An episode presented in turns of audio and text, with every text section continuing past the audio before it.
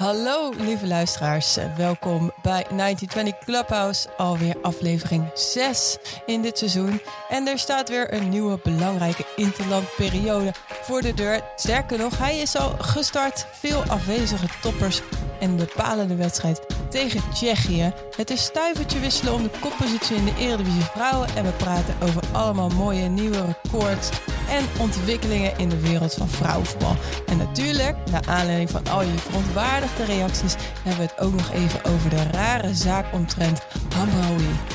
Let's go!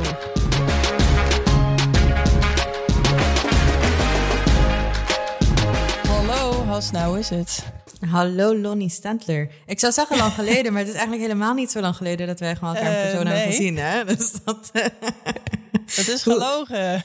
ja, ja ehm, voor degene die dit niet weten, Leon haar Instagram niet volgen, voor een of andere reden gaat vooral ook gewoon volgen. Maar goed, ehm, volg je mij. Eh Lee was eh, met haar supervriendin Sjaan op vakantie hier op Curaçao. Dus we hebben elkaar eh, uitgebreid ehm, op het eiland gezien. Ja, ik heb eindelijk het eiland mogen leren kennen. En eh, dat was eh, heel fijn. Echt, eh kijk, alles is chill daar. Ja, ja, it's true. It's true. I can't deny it. Ik hang er ook alweer wat langer dan verwacht. ehm, deel 500 rond. Uh-huh. Maar het was super leuk om jullie hier te hebben. En dan, ehm, ja, hopefully veel vaker. En ook voor Zinzi. Ja, ik vind eigenlijk gewoon dat we een, een 1920 Clubhouse Curaçao edition een keertje moeten opnemen. Gewoon een reeks. Lijkt me een supergoed idee. Ja, Misschien toch? Dus wil bij ook, deze eh, de officiële petition. Ja, precies. We starten de petitie nu. All right. Oké, voordat we nog eh, heel veel langer over eh, dit fantastische eiland gaan praten, laten we vooral beginnen aan, eh, aan de rest van de podcast. En eh, met de Oranje Leeuwinnen maar gewoon beginnen. Ik las namelijk dat eh, Mark Parsons al eh, best wel een tijd geleden, best wel dagen, een paar dagen geleden, eh, vertrok richting Nederland. Of nou, richting Europa, denk ik. Want hij zat in hetzelfde vliegtuig als Jessica Vislock. Ja, en die heeft er ook een leuke tweet aan gewijd. Eh, ik weet niet Ja. of de bedoeling was at the end of the day dat iedereen al zou wist dat Parsons onderweg was. Maar goed, we weten wel dat Uh-huh. hij zijn vlucht deze keer heeft gehaald. Dus dat scheelt. ehm, ik, zou niet sassy doen, maar goed. Hij heeft zijn vlucht gehaald. Jessica Fishlock zat, eh, voor degenen die, niet, die dit, dit niet hebben meegekregen, heeft een tweet uitgestuurd van hey, eh, ik zit op dezelfde vlucht als Mark Parsons. En wie vindt, wie is het eigenlijk met me eens dat hij zijn first class stoel gewoon met mij moet wisselen? Ehm, Als een Uh-huh. cadeautje en ook omdat ik zo'n pain in de aas ben geweest de afgelopen jaren. Nou, een fantastische tweet, toch? MVP van de NWSL.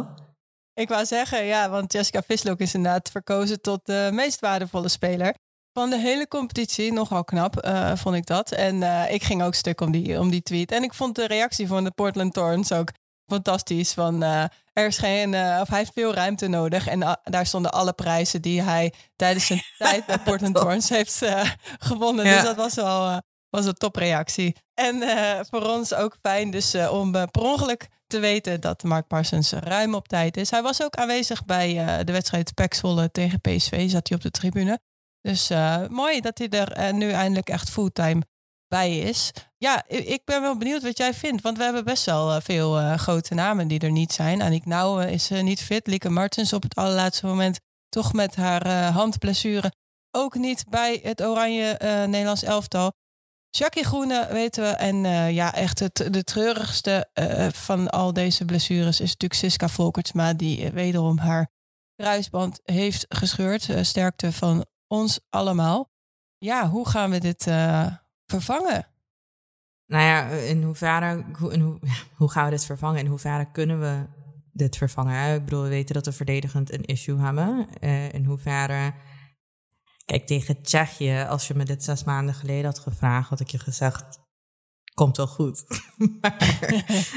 ik, ik blijf nu positief, het moet wel goed komen. Maar het is niet zo, en dat, dat hebben we ook wel gemerkt, op, op, op het moment dat er verdedigend iemand wegvalt. Ja, Ja. Kijk, dat, dan wordt dat heel moeilijk invullen. En ik, ik zie niet zo 1, 2, 3 dat ik denk eh, van de usual suspects, die zijn allemaal heel fit. Het draaien allemaal een heel goed seizoen. Nou ja, ik vind het allemaal wel heel erg tegenvallen van Oranje. Mm. En Ik denk heel eerlijk gezegd ook wel. Ik denk wel dat het goed komt. Weet je, ik blijf maar even in die positieve vibe. Maar ik zie vooral, eh, vooral met nou en dat, dat ga ik gewoon echt. Dat vind ik wel best wel een groot gemis. Maar die heeft, ja. Ehm, nou ja, die heeft gewoon haar plekje veroverd en laten zien waarom ze er moet staan. En dan denk ik van ja, in hoeverre. Ja, I don't know. Ik, ik zie niet zo 1, 2, 3 um, dat er een vervanger voor haar is waarvan ik denk van. Oh, daar maak ik me geen zorgen om. Ja, het is wel zo dat zij echt uh, nog maar weinig uh, aan spelen toekomt uh, bij Chelsea. En zeker nu Mjelde ook weer fit is, is de, de, de sterkste drie-eenheid. Want we spelen allemaal 3-4-3 daar steeds. Is weer herenigd. Dus haar kansen worden eigenlijk alleen maar kleiner om, om daar veel minuten te maken. Ja, vooral richting de EK. Als, als dat zo langer doorgaat dit seizoen. en ze is weer fit en ze blijft maar niet spelen, zo gezegd. Is dat ook niet echt gunstig. Dus in die zin is het misschien wel goed dat uh, er ook andere spelers op haar positie worden geprobeerd. En dan hoop ik, hoop ik vooral dat Dominique Jansen gewoon op haar voorkeurspositie, dus naast uh, Stephanie van der Gracht, wordt neergezet. En ja, dan zal de consequentie zijn dat Merel van Dongen op, op linksback zal komen te staan. Tenzij Mark Parsons tegen Tsjechië uh, Janou Levels wil laten debuteren. Maar dat verwacht ik niet. Nee, dat denk ik ook niet. dat zou wat zijn. Um, nee, maar dat verwacht ik ook niet, heel eerlijk gezegd. Maar kijk, en, nou, dat, dat klopt. Ze maakt heel weinig speelminuten, maar dat was te verwachten. Hè? Je weet als je naar Chelsea gaat, mm. dat dit deel van het traject zal zijn. Aan de andere kant, kijk, er is, er is niks wat de, de wedstrijdritme right, kan verplaatsen. Dus er is niet iets nee. waarvan je kan zeggen van... Hey, ze traint heel hard, maar als je geen wedstrijdritme hebt, heb je dat gewoon niet. Maar aan de andere kant, weet je, dan kom ik toch wel met het stukje even het niveau waarop deze meid nu traint met de speelsters die ze om zich heen heeft. Ja, tuurlijk. Ja, dat, dat is gewoon insane. Dus, en dan is de vraag ook van ja, in hoeverre gaat ze die speelminuten bij Chelsea dan ooit maken? In ieder geval dit seizoen niet, komend seizoen niet. Nee, ik ben bang dat, dat, eh, eh, dat het pas gaat gebeuren als er uh, weer blessures daar komen bij, bij Chelsea. En Zeker, het is wat waard. Het niveau waarop zij traint. Dat is echt wel even anders dan uh, speelsters in de Eredivisie. Maar goed, ja, wat je zegt, wedstrijdritme. Ja, voor mij, zeker op, op internationaal niveau, is dat wel echt doorslaggevend. Of je het, of je het gaat redden of niet, zo'n wedstrijd. Dus ja, het is wel lastig straks. Het, het kan zomaar voor haar doodsteek worden. Ondanks dat, zij, ja, ondanks dat zij natuurlijk ontzettend getalenteerd is. En, en als zij speelt, is ze, steekt ze echt erbovenuit. Is ze de, beste verdediger die we hebben.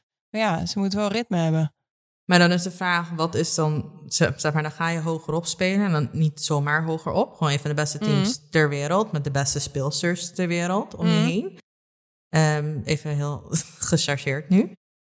Of blijf je dan in de eredivisie minuten maken in een competitie die eigenlijk niet vergelijkbaar is. Dus dat, dat, dat blijft dan, ja, Donny van der Beek, hè?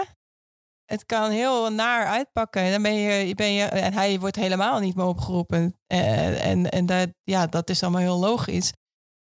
Uh, maar dat zijn wel lastige keuzes. Je wilt hogerop, ja, daar is een risico bij. Uh, misschien dat zij juist nu wel weer een ontwikkeling aangaat die ze tijdens de training door op dat niveau te trainen pakt, waardoor ze juist wel een plek gaat veroveren. Daar zijn we natuurlijk niet bij. Dus het, het is gewoon hopen dat ze zo snel mogelijk daar uh, meer minuten gaat maken. Zeker. En in hoeverre heeft Oranje de luxe, nou ja, niet dus, om, um, om te zeggen van, oh, we hebben zoveel, weet je, verdedigers. Ja, je hebt geen wedstrijdritme, um, we roepen je niet op. Ja, I don't, nee, ik, zie dat, niet gebeuren.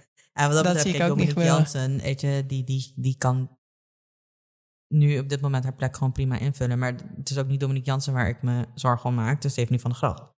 Weet je, in ja. hoeverre op het moment dat je een EK ingaat, al speelt ze elke week bij Ajax, gaat ze dat aankunnen. Weet je, de Olympische Spelen WK was het al even diep ademhalen, gebedje, een jaartskaars Dat ze fit was. ja, dus in hoeverre, ja, I don't know. I don't know, het blijft even Maar dat was wel echt anders. Toen, was, toen ging het vaak over of ze wel of niet fit zou zijn. En dan eigenlijk was ze steeds, net als tijdens het EK in 2017, was ze uh, halverwege, tenminste halverwege de pool, uh, was ze net op tijd weer fit.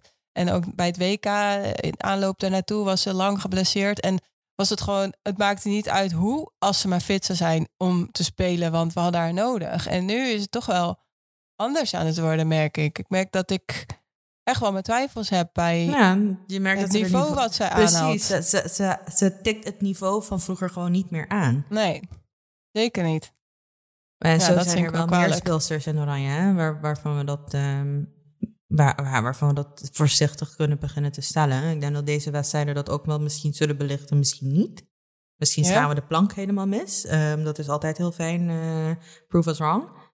Ik hoop het wel weer dat wij eh, dat ze onze tegendeel bewijzen. Ja, dat zou wel geweldig zijn. En ik had gehoopt dat eh de Maris al eh, zou, zou zijn erbij gehaald.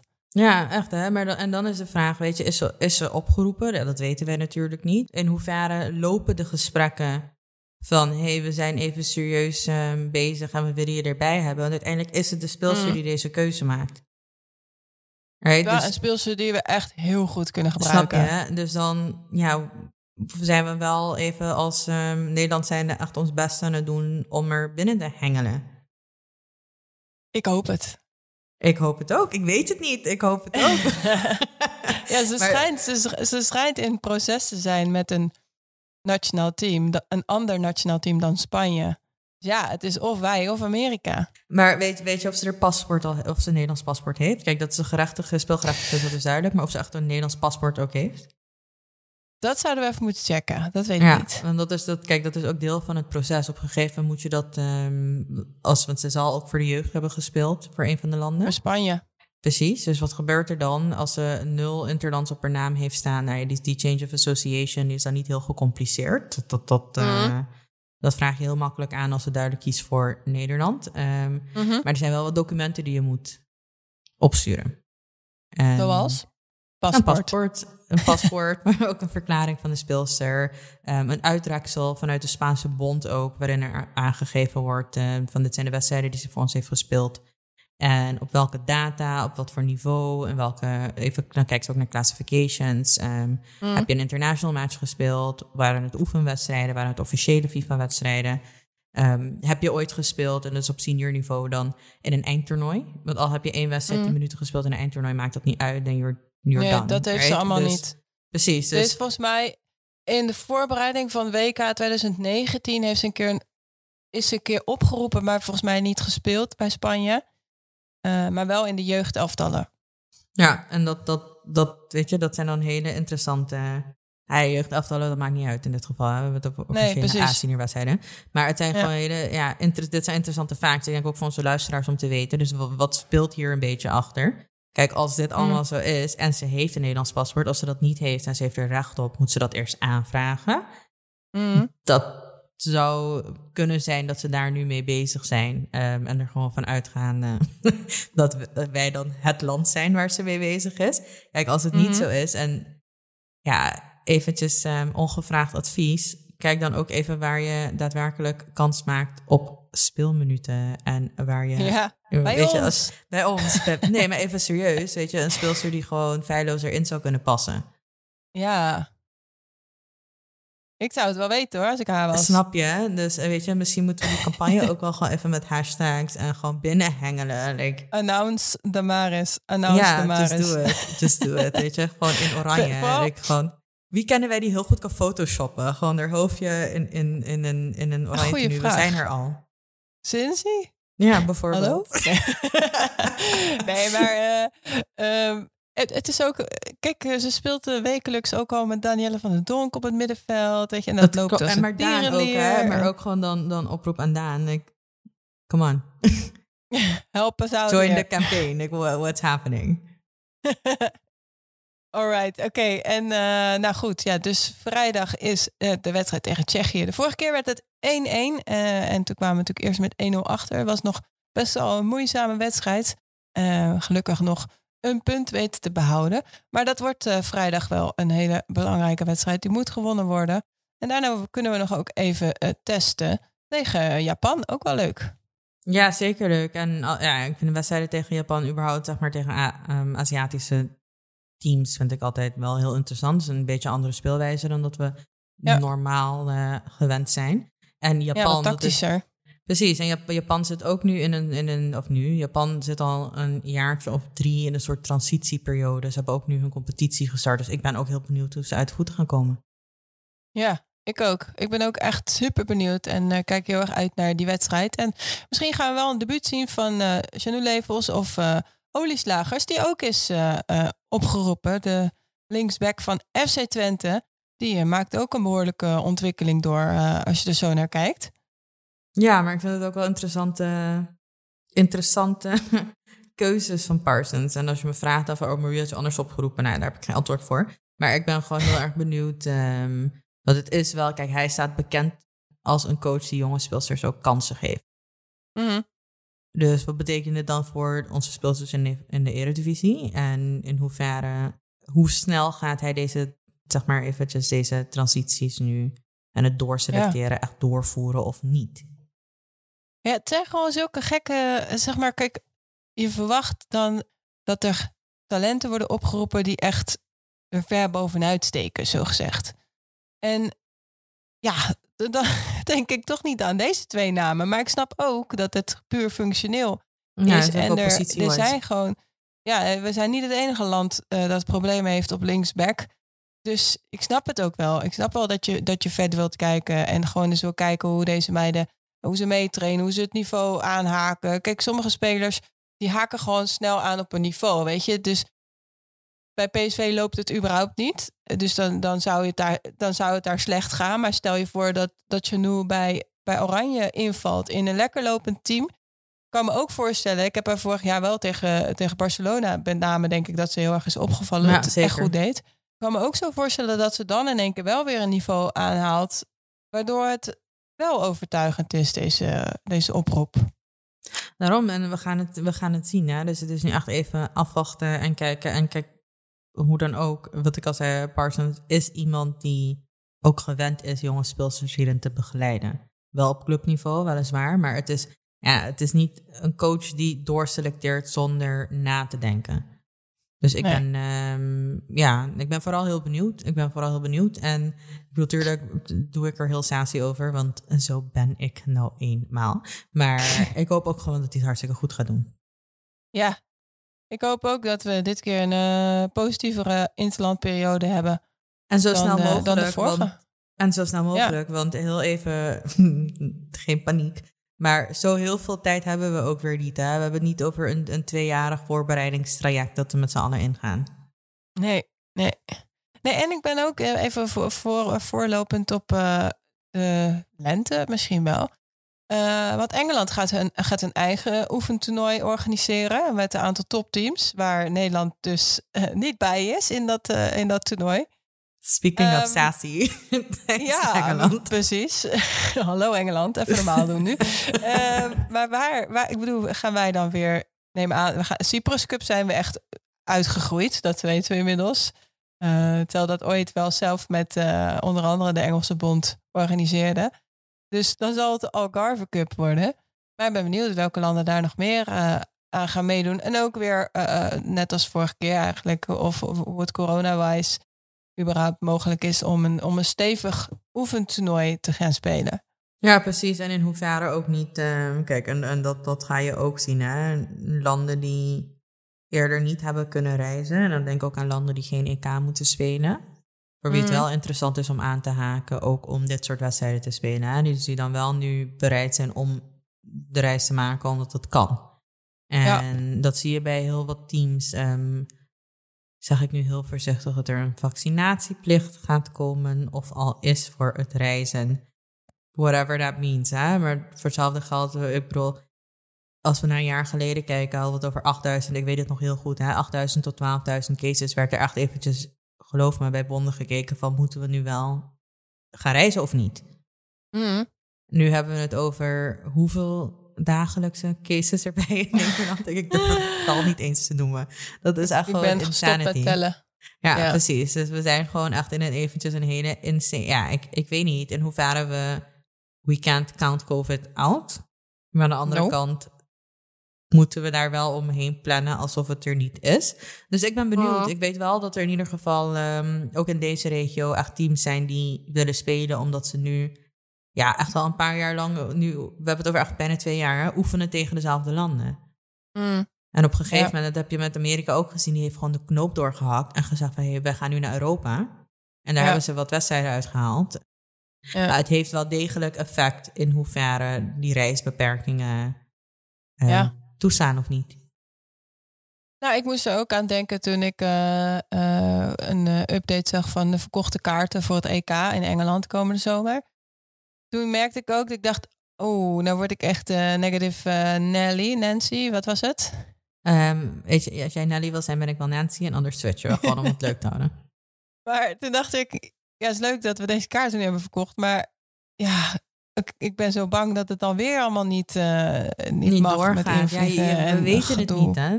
We weten het gewoon Nee. niet. Want voor hetzelfde geld gooien ze dan wel weer open. Dus het zijn, Ja. I don't know. Ja. Ik, ik ben weer in, eh, in mijn I don't know fase beland. Je hoort het.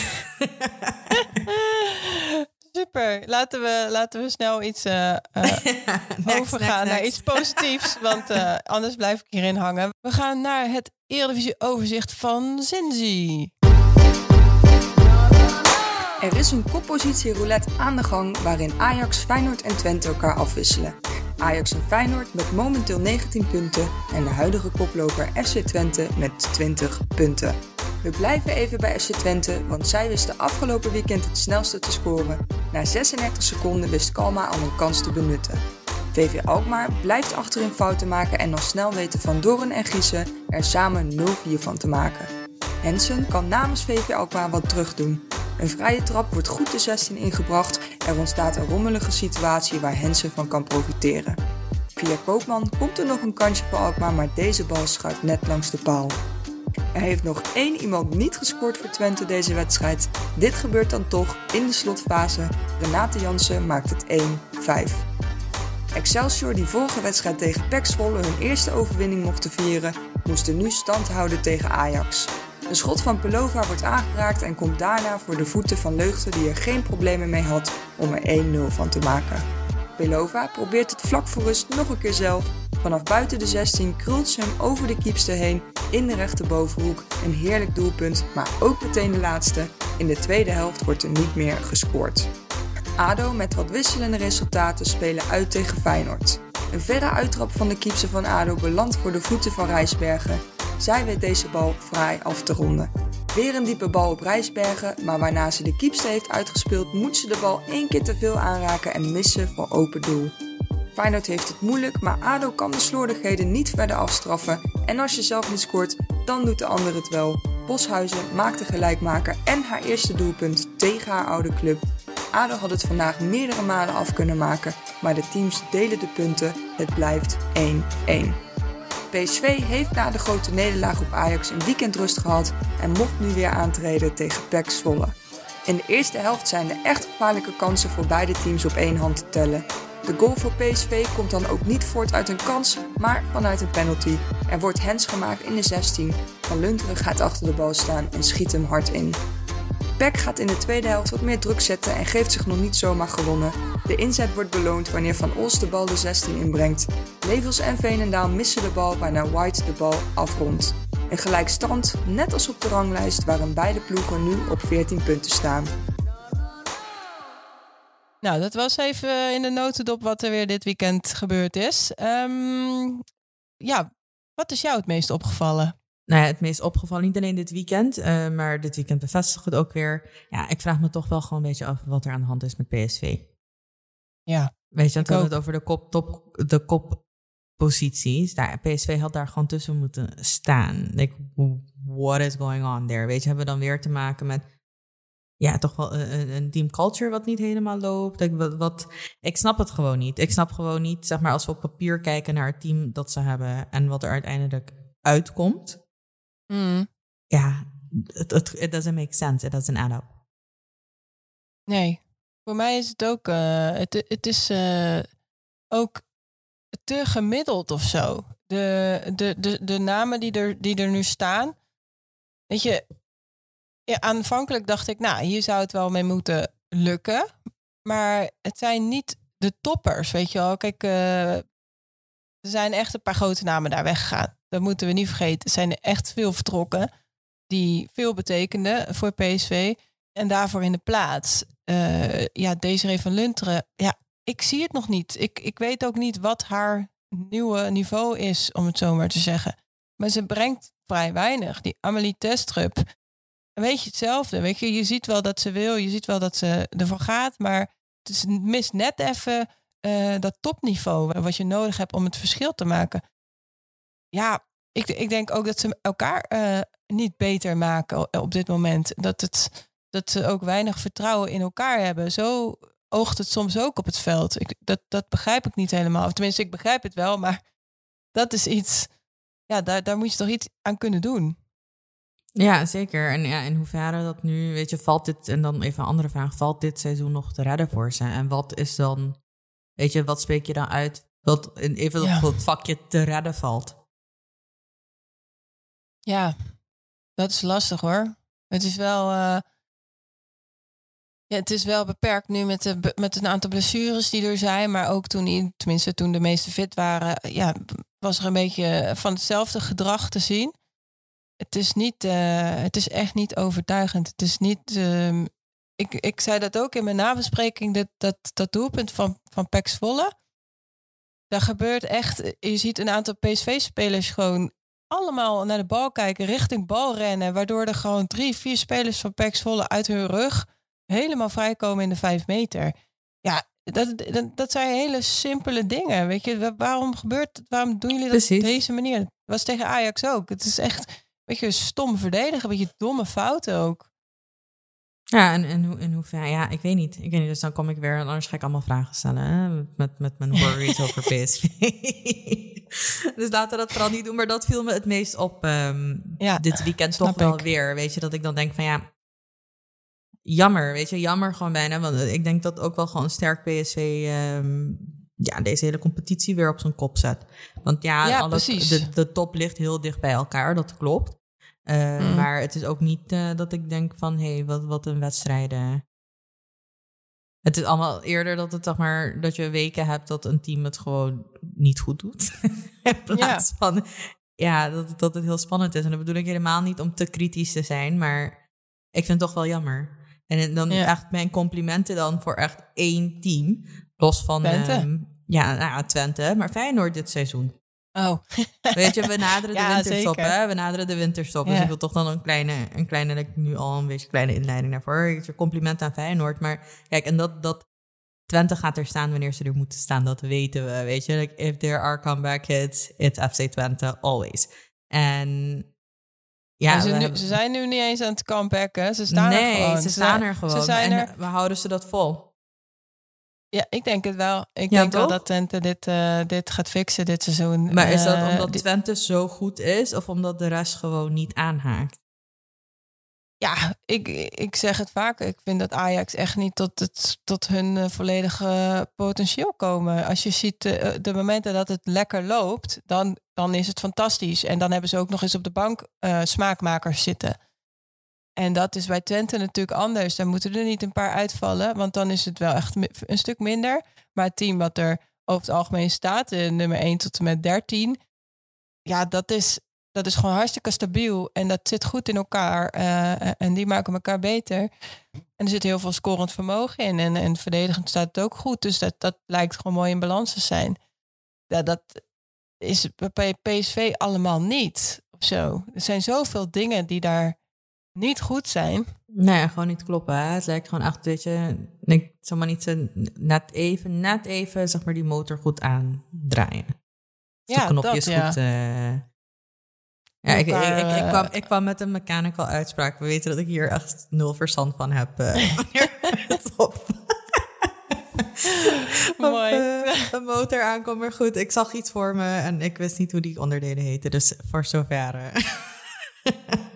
Jouw technisch advies voor PSV. nou ja, nee, maar kijk, en dan, dat, dat is het. Hè. Het, is, het is mijn motoranalyse terzijde. Het is heel even, die, de elementen die zijn er wel. En die moeten ja. gewoon goed gaan lopen. En, en dat is niet het geval. Dat is nu gewoon absoluut niet het geval bij PSV. Ja, toch mis ik een, echt een goede middenvelder daar. Ik, ik denk dat dat ook een soort sleutelpositie is. Het is en dat hadden we vorig jaar ook al wel eens. Dat, dat, een, dat Harrison was niet echt overtuigend. Biesmans is, eh, ja, die, dat is echt een stofzuiger. Die kan je er goed bij hebben. Maar er moet iemand uh, zijn die de creatieve box-to-box uh, uh, middenvelder is. En, en denk je dat ze daarvoor Van Lunter hebben gehaald? Nou ja, ja denk het wel. Ja. Maar die brengt het niet. Nee, maar is dat omdat ze nu nog niet, zeg maar even, er niveau heeft ja, ik gehaald? Hoop dat het omdat nog ze dat komt. niet zou ik, kunnen? Kijk, dat is, ik vind dat zo moeilijk te zeggen. Wat, is haar, wat zou haar niveau nu moeten zijn? Ik, ik weet even dat het nu niet genoeg is. En eh, dat, hoe ze vroeger was, was een stuk beter dan hoe ze nu speelt. En we weten natuurlijk niet waar ja, haar maar ze uh, heeft het wel ligt. hè? Dus, en dat, dat is het. Het komt er ook gewoon niet uit. En ligt dat dan aan niet helemaal fit zijn, niet helemaal terug Ja. zijn?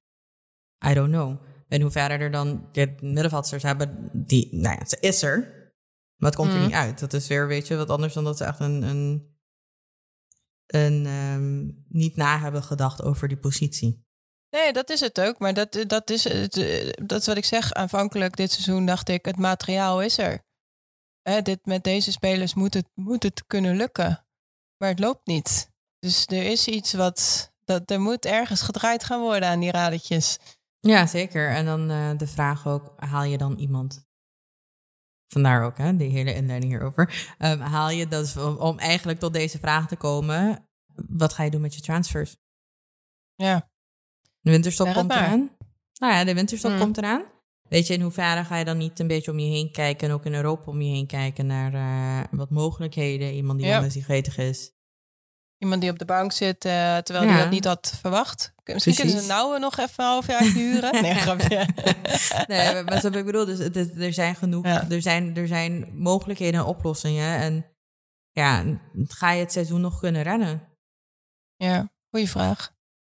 Alright, nou, dit PSV-blok zullen we maar afsluiten. en eh, we hebben deze week een eh, spraakmaker die wij allebei goed kennen. Laten we gaan luisteren naar Laura Dury. Please hold for a very important message. Hey Has, hey Lee. Ehm, ik was even benieuwd eh, in trend van jullie programma. Eh, ik als keeper eh, veel trainingsuren gemaakt, waardoor ik het eigenlijk op vroege leeftijd op een redelijk niveau heb gehaald. Ehm, toch merk ik in de Eredivisie dat het toch wel beetje tegenvalt met keepers. Al tenminste, de aanwas ervan. Eh, het is dun uitgesmeerd. Dus ik was eigenlijk gewoon even benieuwd eh, wat jullie daarvan van vinden en hoe dat eigenlijk komt. Zijn er gewoon niet genoeg keepers? Of worden we gewoon ja, niet goed getraind? Ehm, dus ik was eigenlijk wel benieuwd hoe dat zit. Ehm, en of jullie mij daar wat meer over konden vertellen. Uh, als ik hoor graag. Oké, groetjes. Ja, dat was eh, Laura met een vraag voor ons. Heb jij een antwoord? Ja, eh, niet zo 1, 2, 3 hè, maar nou, dat is niet helemaal waar. We hebben dit al vaker besproken, denk ik. eh, ook met z'n Ja. tweetjes vaker besproken. Kijk, er is gewoon een keepers... ehm, ik wil niet zeggen een keepersprobleem in het vrouwenvoetbal. Ik denk dat er gewoon ook niet een daadwerkelijke focus is geweest in de professionaliseringsslag van het vrouwenvoetbal, waar er is gefocust op keepers, en het opleiden van keepers. Eh, we hebben het Dat denk ook. ehm, ja, een beetje als grap gezegd van de Sari van Venendaal eh, Academy, maar ja, die gaat op een gegeven moment wel echt serieus moeten komen. En Ja. at the end of the day, als je dan ook gaat kijken vanaf je breedte sport tot aan de top, in hoeverre welke meiden willen gaan keepen. En in Mm. hoeverre de positie keeper echt als een serieuze positie wordt. Tuurlijk, het is een hartstikke serieuze positie, maar dan ook zo daadwerkelijk in teams en in clubs wordt gepromoot. Zo wat ik bedoel? Dus Ik denk echt dat dit een, een, een, een eh, consequentie is van het feit dat wij allemaal willen, tenminste dat er altijd is gewild dat meisjes tussen de jongens voetballen. Oké, ik moet eerlijk zijn, als talentvolle meisjes tussen de meisjes eh, waren blijven trainen bij verenigingen, dan hadden ze überhaupt geen coach gehad. Dus Ja. dat was ook geen optie. Maar het feit dat eh, meiden, jonge meiden tussen de jongens voetballen, eh, dus gewoon bij een amateurvereniging hun carrière zogezegd starten. Ja, ik, ik heb een hoop amateurverenigingen gezien. En de keeperstrainers die daar rondlopen, dat slaat gewoon nergens op. Dan moet je echt heel veel geluk hebben. Wil je daar een fatsoenlijke keeperstrainer hebben? Anders dan een vader die een paar balletjes uit zijn handen in je, in je handen schiet, weet je wel? En dat, dat- dat is natuurlijk wel het verschil met jongens die als talent worden opgepikt, die al eh, hopelijk al vanaf hun twaalfde bij een BVO, eh, en dat is nog rijkelijk laat, terechtkomen. En daar gelijk gewoon hele goede keeperstrainers hebben. precies. Dus er wordt dat zo kritisch over, over keepsters gedaan. Terwijl dit eigenlijk een volkomen logisch gevolg is van een niet, het niet hebben van een normale opleiding. Ja. Het een En in beetje alsof je hoeverre- een, eh, een arts gaat vragen die geen opleiding heeft gehad... of die eventjes een eh, on- ongelooflijk moeilijke hartoperatie wil gaan doen... terwijl die eh, eh, de, de alle, allerslechtste docenten heeft gehad. Ja, dat doen we ook niet. Nee, het, er, is, er is een vrij, vrij logisch traject. ehm, maar ik heb het gevoel dat eh, waarom het zo is ge- gekomen, waarom we nu zeg maar, in deze positie zitten. En ik denk dat dat ergens wereldwijd ook wel het geval is. Behalve dat je ziet dat dat ook dan op nationaal niveau wordt opgepikt. Weet je, en Mhm. dat, dat heeft dan ook te maken met dat er extra trainingen worden georganiseerd. Er wordt echt gefocust, weet je. Dus van, hey, wie zijn de speelsters die mogelijk keepsters zouden kunnen worden? Natuurlijk, kijk, een Amerika die heeft gewoon een aanwas wat veel groter is dan dat we in Nederland hebben. Ja, Maar dat eh, betekent niet dat we in Nederland dat dit, dit ook niet zo zouden kunnen oppikken, toch? Je traint dan gewoon Nee. bij wijze van een paar keer in de week specifiek, als je dat talent hebt, mee met een, een goede keeperstrainer in plaats van Ja. ehm, hoe we het nu gewoon een beetje losjes laten. En dan zien we wel of we Ja. of ergens miraculously dat talent aan was. En aan de andere kant, ze- weet je, dan heb je een, een, een, een, een Jacinta Wijmer die dan haar eigen pad is gevolgd, naar Bayern is gegaan en die hebben dan gewoon jarenlang genegeerd. Ja, dat vind ik ook heel dom. Ik vind nog steeds raar dat hij niet opgeroepen is. Maar is het ook, eh, ik zit even hard op te denken, is het nou niet gek om eh, eh, alle kinderen die starten met voetballen, dat je, hè, je traint een aantal keer in de week, dat, dat ieder jongetje en meisje eh, om de week ook een keeperstrainer training volgt? Nou ja, zo gek is dat niet. Kijk, maar in hoeverre heb je de resources daarvoor? Ja, dan kom je weer bij die amateurverenigingen. Precies. En in hoeverre gaan die dat, zeg maar, ook door willen pushen, right? En dat, dat is... Kijk, op een gegeven moment, als je echt doorgaat... eh, Dat, dat moet deel worden van je strategie in je planning Ja. ook voor in nationale elftallen. Kijk, en in hoeverre... Want daar, daar is het grootste probleem. hè. Bij de clubs is het heel duidelijk. Maar je kan bij de clubs ook gewoon ergens anders... in een ander land een keeper vandaan toveren als je dat zou willen. En dat, die mogelijkheid bestaat er. Voor je nationale Ja. ploeg bestaat die mogelijkheid er niet. Ik zou bijna willen dat de KNVB eh, en dan de afdeling die eh, met het top vrouwenvoetbal bezig is, dat die zou zeggen: wij gaan, we hebben wel, we hebben al onze eh, jeugdaftallen, maar we gaan er los daarvan meiden onder de 12 jaar gewoon centraal opleiden als keepers. Precies. En die gaan En dat, dat is ook wat ik bedoelde. Hè? Dus je, je creëert dan gewoon de mogelijkheid. Ja, je traint bij je club. Maar daarnaast bieden we ook eh, de mogelijkheid om deze keepsters ehm, mee te laten Ja, dan- trainen op een niveau om ze op te krikken. Ja, en dat je ze heel vroeg oppikt, zodat ze ook heel vroeg eh, dat perspectief zien en voelen van, oh, dit is iets wat ik goed kan, dit is leuk. Want het, vaak is het, tenminste, ik vul dat heel even in, eh, maar keepers reageren vooral. Ik heb het idee dat meiden dat op een gegeven moment ook gewoon het niet meer, en jongens ook, niet meer leuk vinden om te keepen. Het is natuurlijk niet altijd leuk. Je moet wel heel erg veel zin in hebben om die positie in te vullen. Oké, ik, nee, ik heb heel, heel veel vooroordelen, merk ik. Ik weet niet of dit nou zo goed Ik is. weet niet, ik ben, ik ben 1 meter 63, hè? dus het is nooit... eh, Jij kan altijd handbalkeeper worden. snap je? Maar goed, oké. eh, genoeg oplossingen aangedragen. Eh, laten we doorgaan met eh, het nieuws van de afgelopen twee à drie weken. Ja, nee, vind ik mooi om te horen. Let's go! Gaan we met het smeuigste nieuws beginnen? Laten we dat vooral doen, want ik denk dat iedereen hier ook wel een beetje op zit te wachten op deze update. Want eh, heel even, we hebben geen This is not normal segment meer, maar om This is geen andere normal. woorden te gebruiken, this is not normal. Ik, wat is dit? Ja, wat is dit? Even serieus. I- En, en het begon allemaal zo heftig. Met, met, eh, we hebben het natuurlijk over eh, Hamroui. En eh, dat zij door twee gemaskerde mannen uit de auto werd getrokken na een, een teamavond. En met een ijzeren staaf werd bewerkt, om het zo maar te zeggen. Terwijl haar twee teamgenoten ook in de auto nog zaten. Onder andere Diallo. En die werd gearresteerd om ondervraagd te worden. En ook een vriend van haar werd gearresteerd eh, voor een ondervraging. Dat was natuurlijk al echt. Dat is gewoon Chaos. insane. Maar ook, weet je, dan Ja. een, klein, een klein stukje mee heb gekregen. En dit blijven natuurlijk dingen die we uit de media pikken. Hè? Want het is niet dat we een directe lijn hebben naar deze speelsters. Maar het schijnt ook dat Hamraoui haar heeft aangegeven als een van de suspects bij de politie. Weet je, dan denk Dat ik dat is. mij ook af. Ja, nee, nou ja, dat, dat schijnt dus bekendgemaakt te zijn geweest. Dat daarom. Dat, dat, maar ik bedoel, ze zaten met z'n tweeën nog in de auto. Dus waarom werd die andere teamgenoot niet eh, opgepikt? Weet je, ik denk ook niet dat, dat de rechercheur of ze eh, daadwerkelijk bezig is met na te denken. Of een special crimes unit. Van, oh, maar wie wil misschien haar positie invullen? Nee, dat denk Nee, ik echt precies. niet. Ik denk, dat is sowieso niet deel van het proces geweest. Dus ze zal er wel aangewezen moeten hebben. En als deze details nu nog meer, weet je, met Abidal naar buiten komen. Ik denk dat jij daar ook zo meteen op inhaakt om wat verder te vertellen. Dan denk ik, wat de hell voor diversion is dit geweest om, even deze meid nu helemaal zwart te maken. That's not Aha. okay. Ze heeft overal in het nieuws gestaan. Nu blijkt dat ze er niks mee te maken heeft. En niemand die zoiets heeft van, like, hadden we niet moeten doen. Sorry. Ja, ik vond dat ook zo, zo heftig. Je zou bijna ook eh, willen zeggen van... eh, eh, ha- had zij niet, zeg maar, buiten alle media-aandacht om... eh, subtiel kunnen worden ondervraagd... in plaats van deze shaming Circus. eh, actie. ja, come on. Wauw. Echt hoor, want ik, ik- ook ik, ik, ik kreeg dat bericht door. Ik dacht, what the fuck, ja, oh my god, dit is echt erg als je zo'n concurrentiestrijd voert. Maar, gewoon- jezus. Maar het was dus gewoon, ja, dat vind, ik ik vind dat misschien wat allerergste. Dat zij gewoon geframed is door, nou ja, ja, het lijkt wel dat zij haarzelf inderdaad dan heeft eh, dat dus. Maar ja. Weet je, en dan, ja, dan ben je wel net door twee mannen met stalen buizen even eh, niet eens behoorlijk gemapt, maar gewoon, ja, dat, dit, ik, heb, ik heb, heb je die foto voorbij zien komen die verwondingen? Dat is Ja, ziek. Echt gewoon ziek. insanity. Het is echt insanity, Ja. weet je, dat dat zoiets gebeurt ook.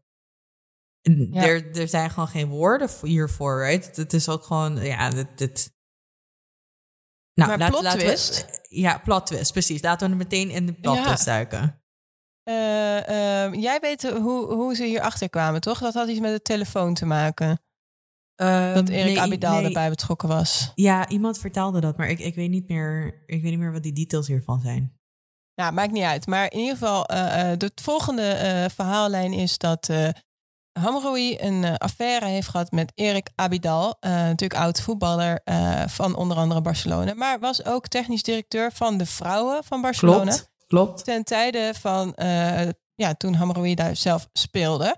En via een simkaart die blijkbaar op zijn naam staat van haar telefoon zijn ze erachter gekomen dat daar ook wat speelde. Dat zij vermeende affaire hebben of hebben gehad. En nu is het laatste nieuws dat de vrouw van Abidal eh, wil scheiden eh, vanwege het bekend worden van deze affaire. En vandaag, het moment dat we opnemen, is dinsdag heeft Abidal een Instagram-post gedaan waarin hij eh, publiekelijk om vergeving vraagt aan zijn vrouw. En dus, nu eventjes, hè, law and order. Iedereen heeft een law and order, weet je al aan. Ik, sowieso.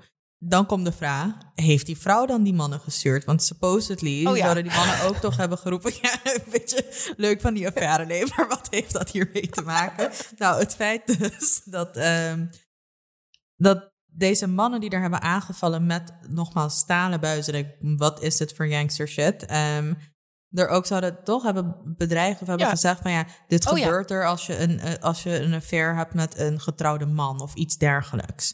Ja. Nou ja, toen kwam dus de vraag van heeft die vrouw er wat mee te maken? Nou, de advocaat van de vrouw heeft al bekendgemaakt van hey, ze wil zo snel mogelijk verhoord worden, want ze heeft hier niks mee te maken. Nou ja, is het dan, weet je, wie dan wel? Like, this Ja. doesn't make any sense anymore. En in hoeverre als je partner een affair heeft, moet je dan die vrouw met een stalen buis laten bewerken? I don't know. Ik vind dit best wel ver gaan. Het is zo dit is raar, zo'n raar verhaal. Het is niet normaal. Het is echt, oh my god. Eh, ik ben blij als eh, de onderste, de- onderste steen boven is in dit verhaal. Want eh, het gaat echt alle kanten op. En ik, het zou me niet verbazen als er nog ergens een andere verhaallijn boven water komt. Ik zou niet weten wat, maar je weet het niet. je hebt echt je law and order. je hebt echt je law and order op. Ja, hier gaat nog wel een eh, filmpje van gemaakt worden, denk ik hoor, ooit. Ja hoor, maar, nou ja, maar dit is ook gewoon, kijk, op een gegeven moment, hoe dan ook, weet je, wat ze wel of niet gedaan zou hebben, affair wel of niet, is het wel gewoon een serieuze zaak dat ze echt van de benen bewerkt hebben en nou ja, Mhm. hele heftige verwondingen en Ja. gewoon van alle manieren is het gewoon niet oké. Maar ja, dan denk ik ook van, weet je, als een, een van de mensen die dan involved is, als je dan zoiets hebt van, oh, maar nu wil mijn vrouw scheiden, laat me publiekelijk een Instagram-post hier aan gaan wijden. Like, in hoeverre help je deze situatie? I don't hè? know. I don't know. Nee, dat what a mess. dom. Gewoon what a mess. Ja, ja. Nou, we hebben nog een, eh, eh, nog een mes waar we het straks eh, over gaan hebben. Dat is ons laatste nieuwsitem. Dan weet je dat vast, dat het nog veel gezelliger wordt. Ehm, laat ik iets leuks vertellen. Er zijn weer wat records verbroken in de WSL. En dat eh, eh, heeft te maken met het Women's Football Weekend van vorig weekend. Waar weer een kijkcijferrecord is verbroken. Dit keer waren er 1,5 miljoen kijkers cumulatief die dat weekend ja, naar allerlei vrouwenvoetbalwedstrijden hebben gekeken. Mooi hè? Nee, dat Ja. zijn statistieken die gewoon fantastisch zijn. En het geeft ook aan, weet je, vrouwenvoetbal, het is niet alleen hier te stay, maar het is er gewoon ook om te veroveren. En het heeft een plekje veroverd Ja. op de markt. En we gaan alleen maar nog mooiere dingen bij, eh, bij de WSL Ja. zien. Ja, eh, ik lees eh, vaak op Twitter: The time to invest in women's football is yesterday. En dat Yes, klopt ma'am. helemaal. En in die categorie heb ik er nog eentje, want ook de FA Cup finale tussen Arsenal en Chelsea op 5 december. Daar zijn ook alweer 30.000 tickets verkocht. Dus weet je, geen enkel probleem om die stadions te vullen. Dus nogmaals, er komt een klassieker aan eh, december, 19 december om precies te zijn. Dan wordt natuurlijk Ajax Feyenoord gespeeld. Ik ga gewoon nog een keer oproepen. Laten we dit vooral in de arena gaan spelen. Want het leuke is dat op die dag ook bij de mannen Feyenoord Ajax wordt gespeeld. En die wordt om half drie gespeeld. en Nou, om kwart over twaalf top, zijn de toch? vrouwen. Top en toch? Steven Berghuis is jarig. Nou, wat Nou, hoeveel meer redenen hebben we nodig? Dus dat, oké, let's go. Eh, ook heel erg mooi nieuws. En misschien wil jij dat wel vertellen. Eh, Kim Kardashian heeft iets ontzettend Ik weet niet waarom nu denk Kim Kardashian met mij gemaakt wordt, maar oké. Omdat jouw familie het meest op de Kardashians lijkt. Ja, Waar of niet waar? ongelooflijk. No comment. Even no comment. Oh, als deze mensen, en met deze mensen bedoel ik mijn allerliefste familie, ook een reality tv-show zouden hebben. Hè? Jongens, genieten zou het zijn. Maar goed, Precies. back, eh, back to Kim. Ehm, nou ja, ik vond dit best wel interessant nieuws. Ehm, ik, heb het hem niet, ik heb het er niet in gezet, moet ik zeggen. Maar ja, het is, eh, ik denk dat het jou ook wel opviel. ehm, even de link dat iedereen denkt nu, wat de fuck heeft Kim Kardashian te maken met het vrouwenvoetbal? Nou ja, Kim Kardashian schijnt dus gewoon voor een vlucht te hebben betaald voor, ehm, correct me if I'm wrong, Afghaanse jeugdspeelsters Ja. vanuit Afghanistan naar Engeland. En dit natuurlijk na enorme inspanningen van ehm, nou ja, oud-Afghaanse captain en voetbalster Khalida Popal, die jaren geleden al is gevlucht uit Afghanistan omdat zij toen al het boekje opendeed van hoe speelsters werden mishandeld, hoe het echt niet oké oh, was. echt.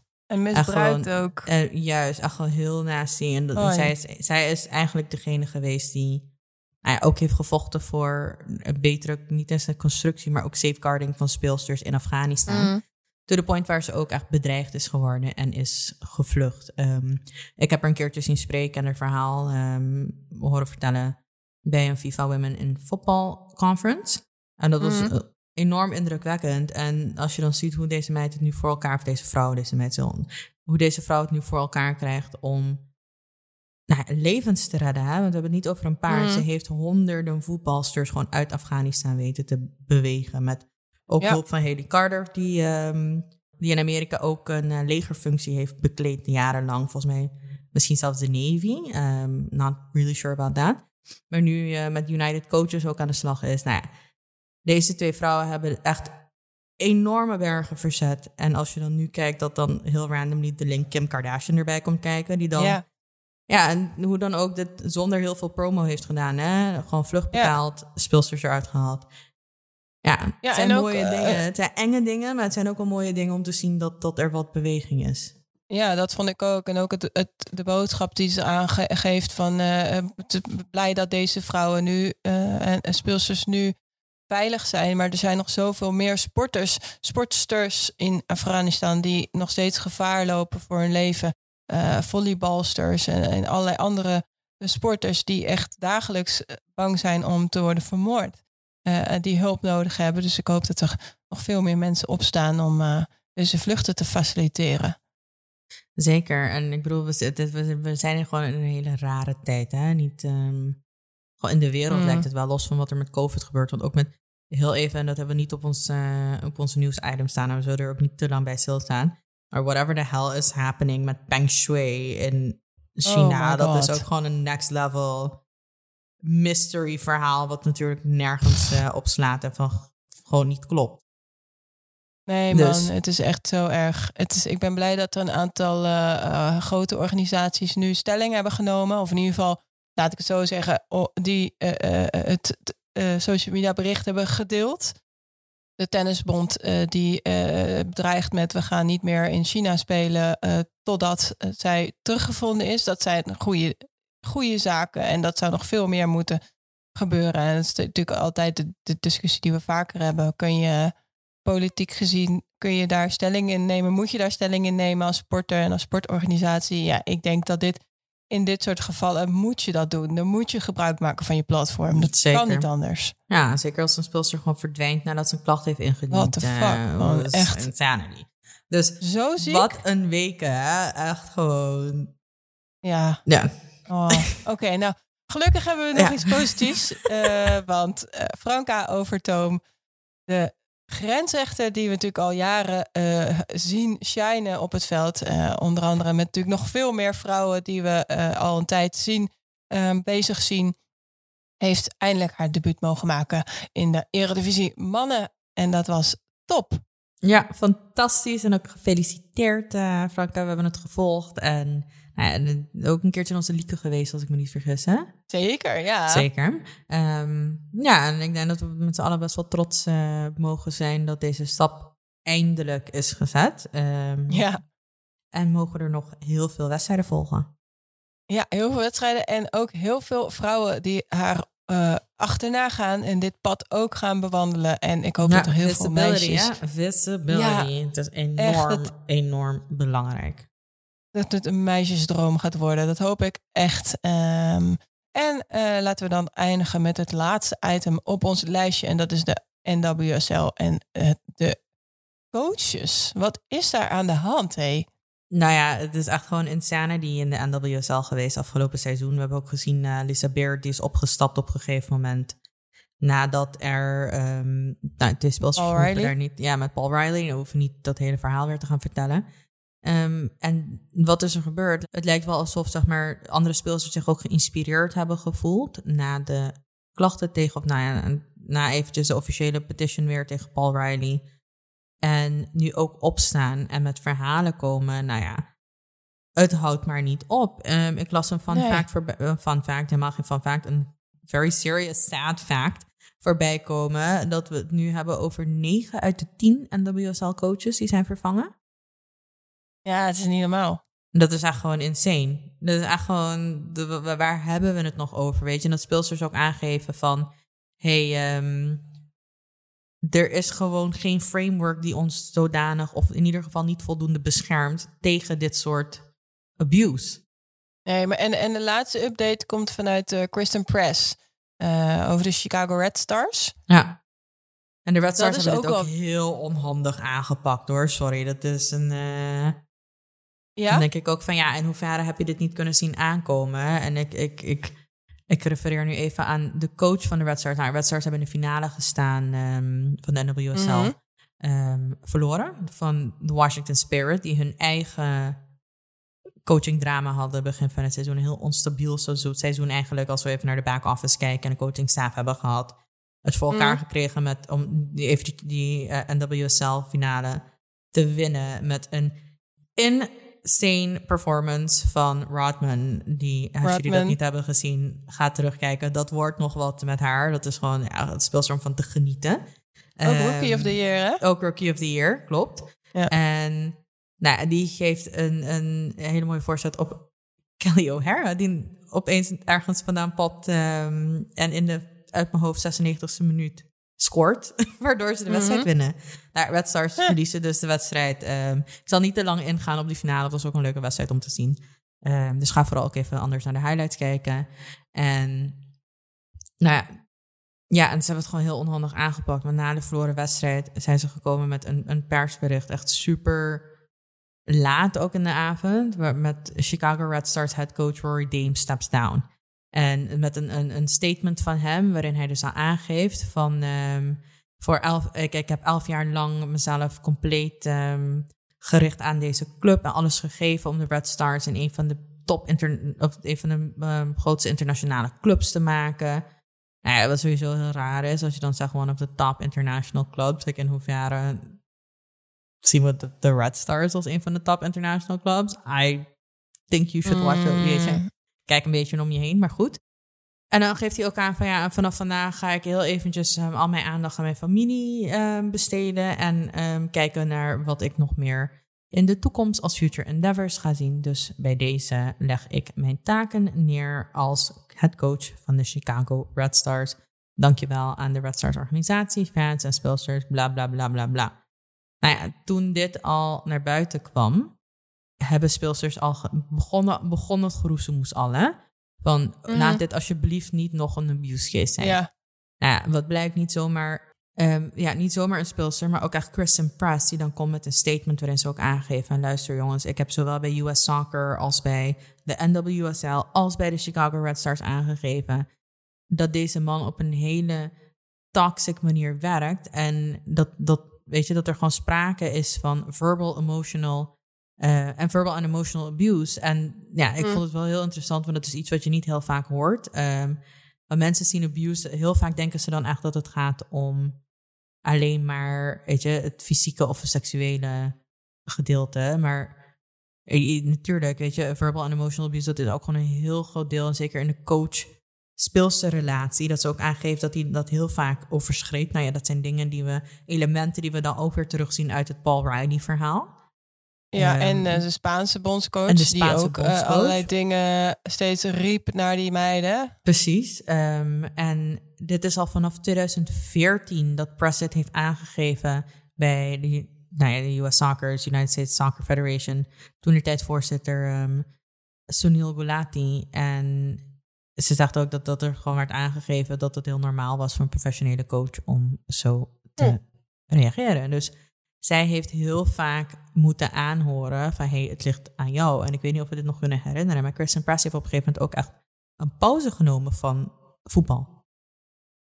Ja, maar ik las dus ergens dat zij, uh, zij werd, um, zij wil daar naar een andere club uh, brengen, toch? Toen ze deze klachten heeft ingediend. Ja, klopt. Dat heeft ze geweigerd. Ja. En toen heeft Jill Ellis haar niet meer opgeroepen. Opgeroepen. Maar dat zien we toch ook terug in het boek van Megan Rapino. Op het moment dat ze begon te protesteren, dat Jill Ellis gewoon zoiets had van, nou ja, uh, hands are tight. Ik mag je eigenlijk niet... Uh... Ja, en dat werd toen onder de noemer uh, lastige speler gegooid. Want zij wil niet van, van naar een andere club toe. dus ik roep haar niet meer op. En nu weten we dus dat het heel erg anders over ging. Ja, en gewoon een staartje heeft. Klaag je te veel, dan komen er consequenties. Ja, dit is ook ja, ja, En vooral gewoon niet, niet eh, de, de klachten niet serieus nemen en dan maar uh, het bij de speler laten. Nou ja, kijk, ik vraag me af in hoeverre ze de klachten echt niet serieus nemen of dat ze in en dan zeker eventjes in een, in een ik bedoel, ik kan niet staan in de schoenen van Sunil Golati, maar het is een probleem en we gaan dat probleem kunnen we niet oplossen zonder de hele boel te dismantelen. Dus wat gaan we doen? Het vooral even op de speelster gooien, want hoeveel speelsters zullen daadwerkelijk ook echt de moed hebben gehad en eventjes die kracht hebben gehad om dit aan te geven. Dat zullen er ja, dat is het hele ding. Maar dat is ook waarom het zo'n. Ja, nu zie het je dat is zo'n sneeuwbaleffect. Precies. Ja, dat is het. Maar dat, het is, het is zeg enerzijds een sneeuwbaleffect van oké, oké, als die iets zegt, dan durf ik het ook wel te zeggen, want ik heb ook het een en ander meegemaakt. En het is het feit dat je, uh, je komt als heel jonge speelster al in een traject terecht waarin, uh, waarin ander gedrag normaal is dan ja, in wordt. gewone. Ja. ja. Dus je, je, je raakt ook gewend aan bijvoorbeeld verbale intimidatie of, of, of nou ja, fysiek, wat het allemaal mag zijn. Dus ergens denk ik dat je zelf ook, zeker als je jong bent, en dat gaven die Spaanse speelsters ook aan, van ja, we kwamen in een cultuur binnen die eigenlijk heel gek was. Maar ja, de oudere speelsters, uh, ja, die deden het allemaal alsof dat normaal was. Dus dan accepteer je het maar. En zo creëer je een toxic uh, omgeving waar je als speelster niet de, het besef hebt van hé, hey, dit kan niet of hé, hey, ik heb hier een stem in, omdat dat nooit geweest is. En ik denk dat nu het effect is dat, hè, dus een sneeuwbaleffect dus van het feit dat er ook steeds duidelijker wordt wat normaal is en wat een echt niet kan van mannelijk, voornamelijk mannelijke coaches. Ja, precies. En kijk, en dan zie je ook weer, we hebben net de MeToo-movement gehad. En laten we ook niet mhm. vergeten, we hebben nu ook speelsters die dit hebben meegemaakt, die nu ook in leidinggevende functies terechtkomen. Mm. Waardoor het niet weggeschoven wordt van, oh, nou ja, komt ze weer zeiken, weet je, dit moet je gewoon gewend zijn in een professionele industrie. Nee, toxic behavior is toxic behavior, punt. En ik denk dat het zeker helpt, kijk, dat een Kristen Press, die heeft nu een niet alleen een bepaalde stardom met zich mee, dus überhaupt dat zij dan weer, weet je, nu opstaat en zegt van, guys, ik, we wisten dat dit gaande was. Mm. Dat helpt die andere speelsters ook. Het feit dat de NWSL nu gewoon een Players Association heeft die zich hier heel hard voor maakt. Het werk wat Jal Everbush ook heeft gedaan voordat ze naar Gotham is vertrokken. Nu klinkt het zelfs, ach, dat is Batman. En dat is fantastisch. Maar kijk, dat zijn hele belangrijke elementen. Waarom, naarmate je ook dit soort speelsters en dit soort vrouwen in deze posities hebt zitten, kunnen ze het verschil gaan maken. Ja, Ergens precies dat. Ook, kijk, en Lisa Beert, die is nu gewoon geslachtofferd. Maar die is ook terechtgekomen in een systeem wat al een mhm. gevestigde orde was. Heeft heel wat changes kunnen aanbrengen. En er misschien ook misschien is zij er ook wel op uitgekozen, zeg maar. Van oké, we stellen wel een vrouw aan, maar wel iemand die komt uit de corporate wereld en die, die snapt allemaal wel dat dit uh, moet kunnen. Dat, nou ja, of, of dat ze daadwerkelijk ook heeft geprobeerd om het een en ander te veranderen. En nu het dan heel makkelijk is om te zeggen van hé, hey, jij moet resignen. Want ik weet 100% zeker dat als er een man zou zijn geweest die in haar positie was, hadden ze hem niet laten aftreden. Hadden ze beloofd om nieuwe policies. nou ja, ik, tuurlijk, weet je. Maar ik denk ik, eventjes de geschiedenis leer dat dat niet zo is. Ja. Dus het is, ja, het, het, blijft, het, hoe dan ook zitten we in een transitionele periode met z'n allen. Um, ja, dat en is, waar. Het, ja, en het is gewoon nodig um, dat deze veranderingen gaan en blijven gebeuren. Maar wat de hel, 9 uit de 10 coaches, hè, dat betekent gewoon dat je hele league niet klopt. Like, er is gewoon, je, je hele, zeg maar, je hele culture is gewoon verziekt. En daar moeten ze echt nu wat aan gaan doen. En if this is happening in de NWSL, zogenaamd een van de professionele leagues ter wereld, vraag ik me af hoe dat niet is in de rest van de wereld. En in hoeverre we niet gewoon dingen accepteren omdat ze altijd zo zijn geweest. Yep, ik denk dat dat uh, op het moment dat dat duidelijker wordt wat grenzen zijn en dat duidelijk wordt dat je als speelster met je verhaal ergens kan komen en dat dat wordt gehoord en dat je daarin serieus wordt genomen, dat daar, daar, daar zullen ook wel echt wel verhalen boven gaan, gaan komen. Zeker, dus ja, ja, we hebben de This is not normal eruit gesloopt, maar we gaan dit soort kleine This is not normal momentjes wel um, ja, toch wel even bespreken. Want het, het blijven gewoon serieuze elementen in het vrouwenvoetbal die we er ook graag gewoon uitgewerkt willen zien. Precies. right, mooie afsluiter. Want we hebben weer veel te lang gepraat deze aflevering. Dat kwam natuurlijk omdat we een weekje extra hadden om nog meer dingen voorbij te zien komen. Maar uh, heel erg bedankt weer voor het luisteren. En tot over twee weekjes. Tot snel.